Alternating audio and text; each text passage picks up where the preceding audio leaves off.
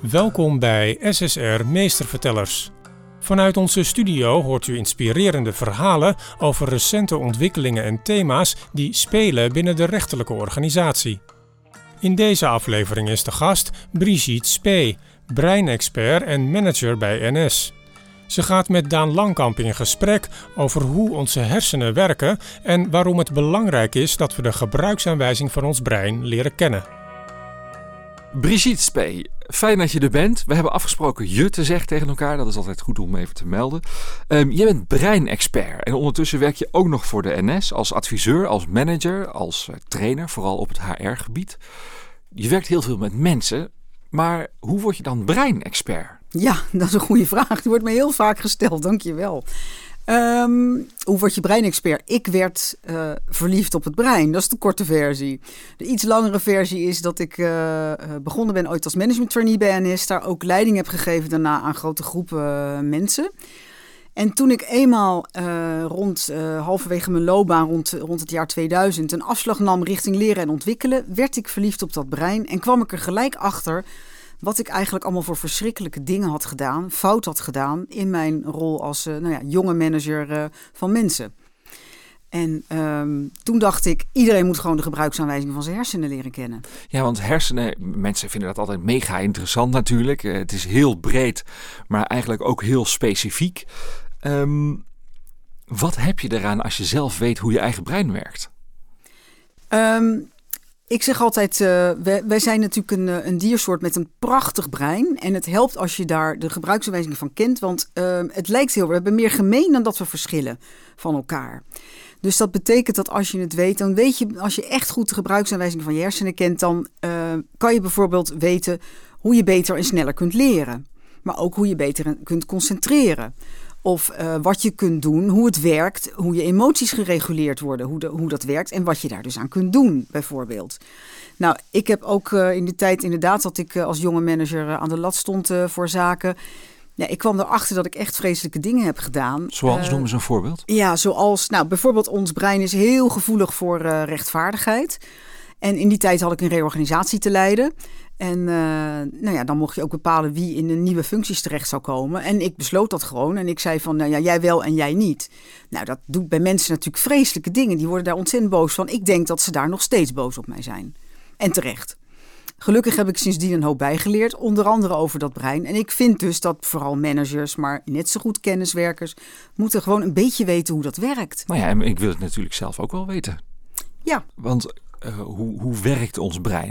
Er zijn volgens mij twee belangrijke aspecten in het brein uh, waar je heel veel mee te maken hebt. Ja, nou je zou kunnen zeggen, uh, er zijn natuurlijk heel veel. Ons brein is één groot complex geheel. Laat ik dat vooropstellen. En wat ik hier vertel versimpelt de boel natuurlijk. Maar anders hebben we aan 15 minuten niet genoeg.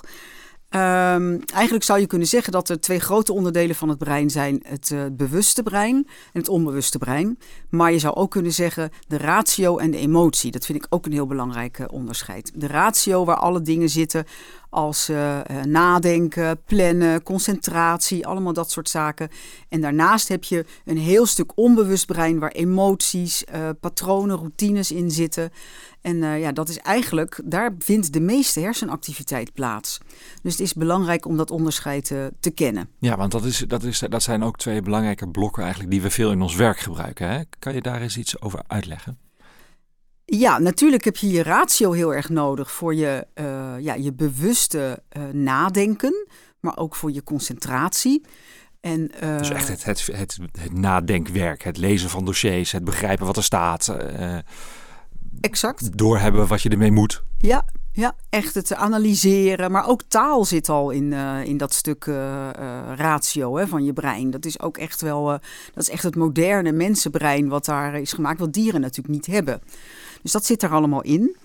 Um, en aan de andere kant, dat emotionele deel? Ja, dat emotionele deel. Ja, dat zijn echt hele oude hersendelen. Wat ze ook wel eens het zoogdierbrein noemen. Of het reptiele brein. En hangt er een beetje vanaf welke wetenschapper je raadpleegt, hoe die het wil noemen. In ieder geval oude hersendelen waar emoties geproduceerd worden, angsten.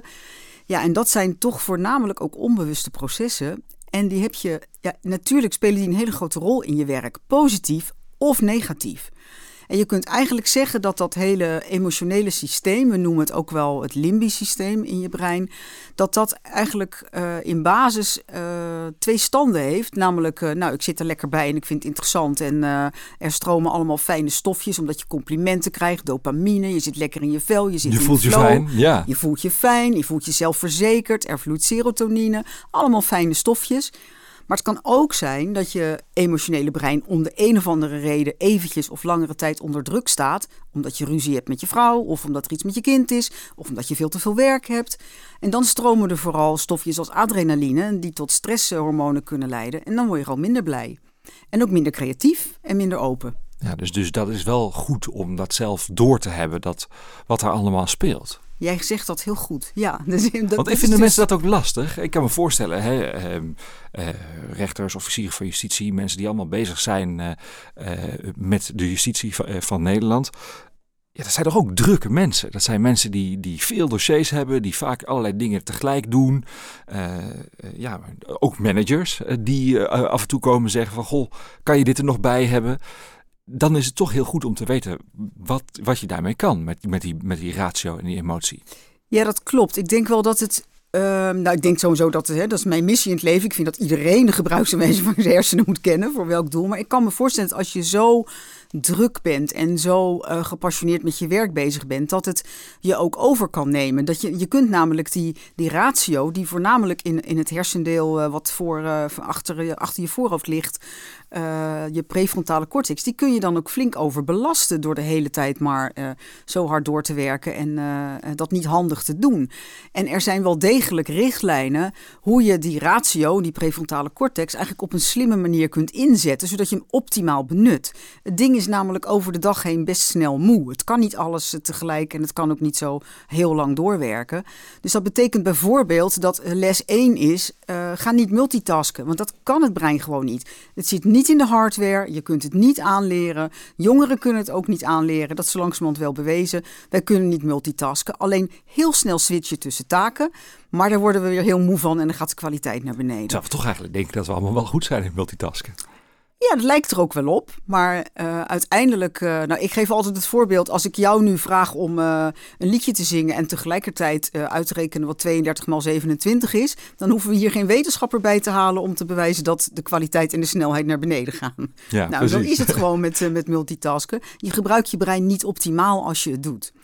En de tweede les is eigenlijk van nou, dus doe één ding tegelijk. En de tweede les is, maak daar dan ook badges van. Bijvoorbeeld één grote klus of drie kleintjes uh, samen in een clustertje. Of uh, doe gewoon een half uur je e-mail. Dat is dan ook een clustertje. En dan is het ook wel van, de derde les is dan, neem daartussen pauze. Zodat je je brein kunt resetten. En dat je je brein de gelegenheid geeft om op te slaan, om te archiveren, om uh, je onderbewuste er even mee aan het werk te laten gaan. En pauze is dan niet op je telefoon nog appjes doen of even op nu.nl kijken. Dat is geen pauze. Pauze is gewoon even praatje pot met je collega. Of even naar buiten staren. Of een wandelingetje, kopje koffie halen, dat. Maar het is dus ook niet slim dat als ik bijvoorbeeld bezig ben in een dossier. En ik zie ondertussen een mailtje binnenkomen. En ik krijg een, een appje op mijn telefoon. En een collega komt nog binnen, binnen met, een, met een vraag over een heel ander dossier. Dat kunnen we eigenlijk niet aan. Eigenlijk moeten we gewoon zeggen: sorry, ik ben nu hiermee bezig. Dit maak ik eerst af en dan doe ik het volgende onderdeel. Ja, idealiter is dat zo. Zeker. Maar mensen vinden dat toch lastig, kan ik me voorstellen. Hè? De, uh, je werk is toch vaak uh, uh, ja, op verschillende plekken tegelijk. Je bent vaak met veel verschillende dingen tegelijk bezig. Heb je daar goede tips voor, wat, wat je dan kan doen? Nou, natuurlijk is het zo. Het eerste is, zet, zet al die meldingen uit. Dat is punt één. Want het brein, weet je, het is niet alleen leidt het ontzettend af, en het is, maar het is ook ontzettend verslavend. Want we worden natuurlijk heel nieuwsgierig naar wat zou het zijn. Dus het is heel normaal dat het brein daar achteraan gaat. Maar op een gegeven moment is het ook gewoon een verslaving om alles te willen weten. Dus die meldingen die moeten gewoon allemaal uit van de e-mail en van de appjes en de alle bliepjes en dingetjes. Ja, en je ziet toch echt steeds meer in bedrijven dat het. Uh, uh, echt wel gebruik wordt dat uh, je regels met elkaar afspreekt. Wanneer ben je voor vrije inloop beschikbaar en wanneer even niet. En wat je natuurlijk ziet nu met, uh, nou bij corona hebben we allemaal geoefend in thuiswerken. En natuurlijk en het zogenaamde, ja, wat we dan noemen blended werken. Dus soms thuis en soms op het werk. Ja, voor sommige dingen heb je collega's nodig. Ik heb zelf net tien maanden thuis gewerkt. Nou, dat is helemaal, bent helemaal zat. Uh, dus ik mis mijn collega's vreselijk en ik heb dat ook nodig. Maar om een stuk uit te werken is het natuurlijk ideaal. Ja. Als je gewoon alleen thuis bent en je kunt op een rustig plekje zitten. Want is het dan ook zinvol om op een gegeven moment voor bepaalde zaken een eindstation te hebben. Dat je zegt, nou, vrijdag wil ik dit, dit en dit af hebben. Dat wil ik in ieder geval gedaan hebben. Is dat, werkt dat goed? Ja, ik denk dat kan heel goed werken als het realistisch is. Dus het helpt heel erg om haalbare doelen te stellen daarin. En wat ook heel lekker werkt, is om uh, dat, dat echt in brokken te maken. Dus dat het wel ook overzichtelijk is. Dus oké, ik wil dat af hebben. Maar dat betekent dat ik op uh, dinsdag dat wil klaar hebben. Dat ik vandaag aan dat stuk werk. En dat ik vrijdag de puntjes op de i zet, bij wijze van spreken. Dus dat helpt. Het helpt ook als je dat visueel maakt voor jezelf. Dus op een papiertje schrijft uh, en naast je neerlegt of zo. Dan hoef je dat niet de hele tijd ook nog te onthouden in je hoofd. Dus een soort afstreeplijstje bijvoorbeeld. Nou, vindt het brein echt zo fijn. Dus als je ergens een vinkje achter kunt zetten, dan vloeit er dopamine in je brein. En ik heb zelfs wel eens bij lezingen echt niet de minste mensen binnen, binnen NS en binnen andere bedrijven horen zeggen. Uh, die bekenden dan van wat ik wel eens doe als ik zo'n lijstje maak. Dan zet ik er twee dingen op die ik eigenlijk al af had. Maar het voelt zo lekker om het te kunnen afstrepen. En dan kun je zeggen van ja, wat kinderachtig. Maar het helpt. Het geeft op dat moment dopamine in je brein. Dus je kunt je brein ook een beetje voor de gek houden. Ja, want dat is, dat is eigenlijk uh, iets, iets waar je zelf dus heel gelukkig van wordt. Wat zijn nog meer tips om, om jezelf eigenlijk voor de gek te houden? Wat, wat, wat kan je doen om je eigen productiviteit, je eigen werkgeluk daarin te verhogen? Nou, eentje die ik wel uh, interessant vind, uh, die op een heel ander vlak zit. Want uh, natuurlijk, we zaten nu heel erg op de ratio en dan kun je dat werk goed indelen. Maar het is natuurlijk ook de bedoeling dat je een beetje blij blijft. niet bij blijft, maar blij blijft. en ehm, wat we ook ons moeten realiseren is dat uh, wij elkaar de hele dag uh, besmetten. We hebben namelijk spiegelneuronen in ons hoofd. En die maken dat wij elkaars gedrag spiegelen. Nou ja, wie goed doet, goed ontmoet, is niet voor niets uh, een spreekwoord. Dus je kunt jezelf al voor de gek houden door in de spiegel naar jezelf te glimlachen. Daar word je al blij van. Maar het helpt ook als jij naar collega's glimlacht, ook al heb je er misschien helemaal niet zo'n zin in, maar kan je jezelf zeggen: Oké, laat ik vandaag eens een vrolijk gezicht opzetten. Dan zul je ook vrolijke gezichten terugkrijgen. En op die manier, uh, uh, nou ja, uh, maak je eigenlijk meer blijheid om je heen. Maar wat nou als je een, een rotdag hebt op werk? Wat zeg als wat, je? Wat nou als je een rotdag hebt op werk? Ja, of als je heel druk bent. Vaak, als je heel druk bent. Ja. Wat kan je dan doen om toch die, emo die goede emotie terug te krijgen? Is daar, is daar een soort. Nou, ik denk niet dat daar een heilig recept voor is. Want als dat zo was, dan had ik vast een heel uh, handig boek geschreven waar ik heel veel geld mee had verdiend. Dat hebben we volgens mij nog niet uitgevonden. Um, ik denk dat de basis is wel dat je uh, inderdaad kijkt hoe kun je die, uh, die ratio, uh, hoe kun je die, die, dat bewuste werk zodanig indelen dat, je, dat het nog een beetje te doen blijft. Dat je een beetje ruimte overhoudt, dat je s'avonds niet uitgeput bent. Want je hebt namelijk datzelfde orgaan heb je nodig om de emoties die door de dag heen bezig zijn te reguleren. Kinderen reguleren in hun, emoties niet, hè? dat weet je. Als die wat hebben, dan gaan ze gelijk huilen of zo. Nou, gelukkig doen wij dat allemaal niet meer. Uh, en dat komt omdat wij onze emotionele hersendelen onder controle houden met onze rationele hersendelen. En uh, dus het is goed om daar wel een beetje ruimte voor te houden. Maar in die, die emotionele delen, want die zijn dus wel heel belangrijk, ook in ons werk. Hè. Je, je, zegt, je zegt ook al van, als jij lacht, dan lacht je collega waarschijnlijk mee. Zijn er bepaalde knoppen waar je makkelijk aan kan draaien? Ja, als je een, eentje die ik altijd heel makkelijk bereikbaar vind, is uh, het knopje wat ik altijd noem samen of verbinding. Uh, want um, het brein is wired for connection, zeggen we wel eens. Wij zijn een sociaal diertje en daardoor zijn we als soort ook zo succesvol geworden, doordat wij samenwerken. In je uppie kan je eigenlijk helemaal niks als mens, maar doordat wij samenwerken zijn we, zijn we eigenlijk een plaag geworden, natuurlijk ook op de wereld. maar in dit geval dan even niet. En uh, dus als je het lastig hebt, ja, gedeelde smart is toch halve smart. Het helpt als je het met iemand bespreekt. En bovendien, ik noem het ook wel eens schakel een tweede ratio, een tweede prefrontale cortex in. Iemand die uh, wel begrijpt waar het bij jou om draait en niet, uh, nou ja, helemaal niet snapt uh, wat jou bezighoudt. Maar die wel even met jou mee kan denken of jouw verhaal kan delen. Want die heeft geen last van al jouw emotionele beladen toestanden. Dus je hebt dan een soort van gratis tweede prefrontale cortex tot je beschikking. Dus eigenlijk bijvoorbeeld als jouw manager naar je toe komt en die zegt: neem dit dossier er nog even bij. En je zit tot hier in het werk. Uh, dat je misschien even met een collega overlegt van ja, ik heb het nu zo druk. Uh, dat die ander dan dus kan zeggen: joh, als je het zo, zo en zo aanpakt, dan heb je dit snel klaar. Of dan, dan kan je dat logisch doen. Dat is het vooral. Soms maken je emotionele delen in je brein de boel veel groter dan dat ze eigenlijk zijn.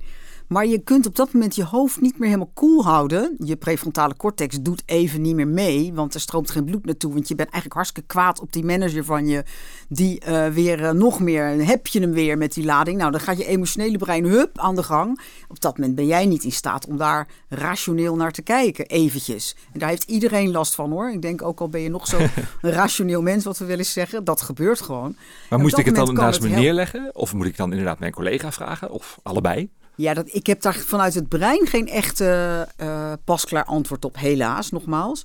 Maar ik denk dat het uh, zou helpen om eventjes uh, zo en zo je emoties even te laten betijen. Als het eronder zit. Hè. Van dan heb je hem weer met je uh, emoties hebben ook weg na een minuut of tien of zo. Dus dan kun je wel weer wat rationeler denken. En vervolgens kan het natuurlijk wel helpen om daar gewoon over te sparren met een collega. En als je dan alsnog tot de conclusie komt van ja, maar dit kan ik er dus echt niet bij hebben. Niet alleen omdat je pissig bent omdat het altijd bij jou terecht komt, maar omdat het gewoon echt niet kan. Ja, dan kun je misschien op een rationele manier, uh, uh, zonder al te veel emoties met je baas praten, waarom het gewoon echt niet past. Ja, precies. En um, ik wil natuurlijk altijd gelukkig zijn in mijn werk. Ik denk iedereen wil gelukkig zijn in mijn werk. Wat zijn nou jouw beste tips om te zorgen dat je, dat je gelukkig blijft? Dat je hersenen goed blijven werken? Dat ik aan kan wat ik aan kan, niet te veel pak? Uh, heb je daar concrete tips voor? Nou, het is wel bewezen, dat is natuurlijk al langer. Uh, we kennen allemaal waarschijnlijk wel het begrip flow. En uh, er is al een, uh, waar professor Csikszentmihalyi heel beroemd mee is geworden, daar een boek over heeft geschreven.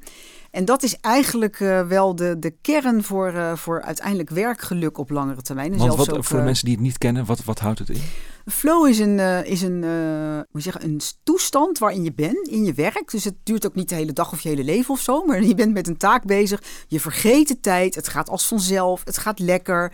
Nou, dan zeggen we ik ben in flow. En dat kan je zelfs ook in het brein meten. Dat dat in een bepaalde positie komt. Dat dingen eigenlijk vanzelf gaan.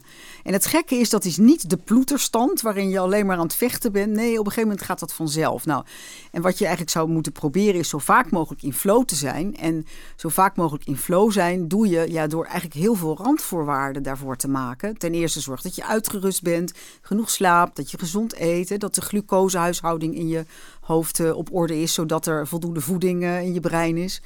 Um, maar dat zit er natuurlijk ook in dat je zorgt dat je emotionele systeem een beetje uh, nou ja, in balans is. Dat kan natuurlijk niet altijd. Maar, en dan worden de voorwaarden voor flow eigenlijk groter. En je kunt daarnaast ook gewoon zelf kijken hoe je de taak kunt, de, de taak zelf die je voor je hebt, uh, kunt benutten. Voor sommige mensen helpt het om een bepaald soort muziek op te hebben als ze iets aan het doen zijn. Daarvan kan het zijn dat je eerder in flow raakt tijdens een taak dan dat je het zonder doet. Dus, dus eigenlijk moet je gewoon heel goed. Eigenlijk moet je heel goed bij jezelf gaan te raden gaan over wat jij allemaal prettige werkvoorwaarden voor jezelf vindt en daar zoveel mogelijk naartoe werken. Klopt, klopt. Ja. Lijkt mij een mooie afsluiter. Brigitte, dankjewel voor dit inkijkje in het brein. Ik denk toch altijd wel dat, we, dat het goed is om uh, hier altijd rekening mee te houden in je werk. Zeker weten. Dankjewel. Graag gedaan. Dit was SSR Meestervertellers. Wilt u op de hoogte blijven? Abonneer u dan op onze podcast. Graag tot een volgende keer.